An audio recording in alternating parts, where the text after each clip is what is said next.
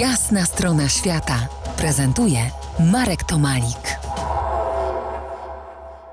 Ponad 14 tysięcy o własnych siłach w prawie 14 miesięcy. Moim gościem Michał Kozok, niezwykle zawzięty podróżnik, który pokonał Australię. Nasze drugie spotkanie z Twojej trasy miało miejsce po jasnej stronie świata 8 stycznia. No to prześledźmy, co się od tego czasu tam e, wydarzyło w Twojej wędrówce. Końcem grudnia, dzień przed y, Wigilią, piszesz: Nigdy nie myślałem, że ta wędrówka będzie aż tak trudna w nawigacji, nawet bez zamieci śnieżnej. Że nie spotkam innych turystów przez tydzień, że nie będę w stanie przeprawiać się przez kilka rzek, a do tego będzie tak zimno i tak mokro.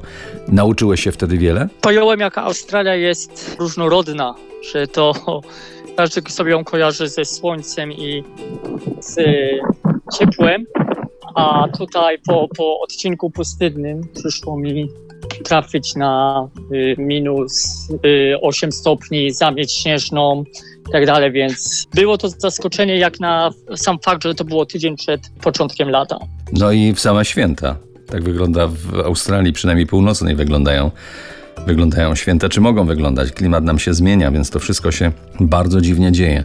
No ale już po świętach, 13 stycznia piszesz, dostałem rowerek na 40 urodziny i czas go porządnie wykorzystać. Co to za rowerek? Bo to ja to pamiętam ze zdjęć. Bardziej to dla dziecka, nawet chyba nawet nie twojego, tylko jeszcze mniejszego. Właściwie to jest y, porządny, mocny, ciężki stalowy rower dla dorosłych, ale wielkości on ma 30 cm wysokości, po prostu jest, to jest chyba dla, dla, dla żartu zrobione. Jak kiedyś zobaczyłem na YouTube, jak ta, po prostu dorosły człowiek na tym jedzie, tak mi się to spodobało, że powiedziałem żonie, że kurczę, ja bym chciał takim czymś jechać.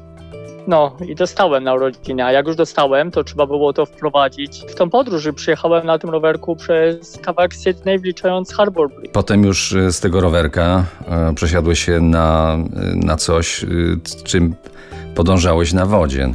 Najpierw to był windsurfing, a później kajak. Ale pisze, że nie było zbyt łatwo. I jeszcze szczudła. Pamiętasz ten okres? Koniec stycznia? Yy, tak, pamiętam, bo yy, planując sobie wymyślałem, a tu na szczudłach sobie zrobię tutaj ze 100 km, na kajaku to, na windsurfingu tam. Na szczudłach No, 100 km? Da się przejść Tak, na szczudłach tak. 100 km? Może się i da, ale ja w końcu nie zrealizowałem tego. Ja przeszedłem tylko 8 i miałem po prostu dość. No bo fakt faktem, że ja nigdy w życiu na nich wcześniej nie chodziłem.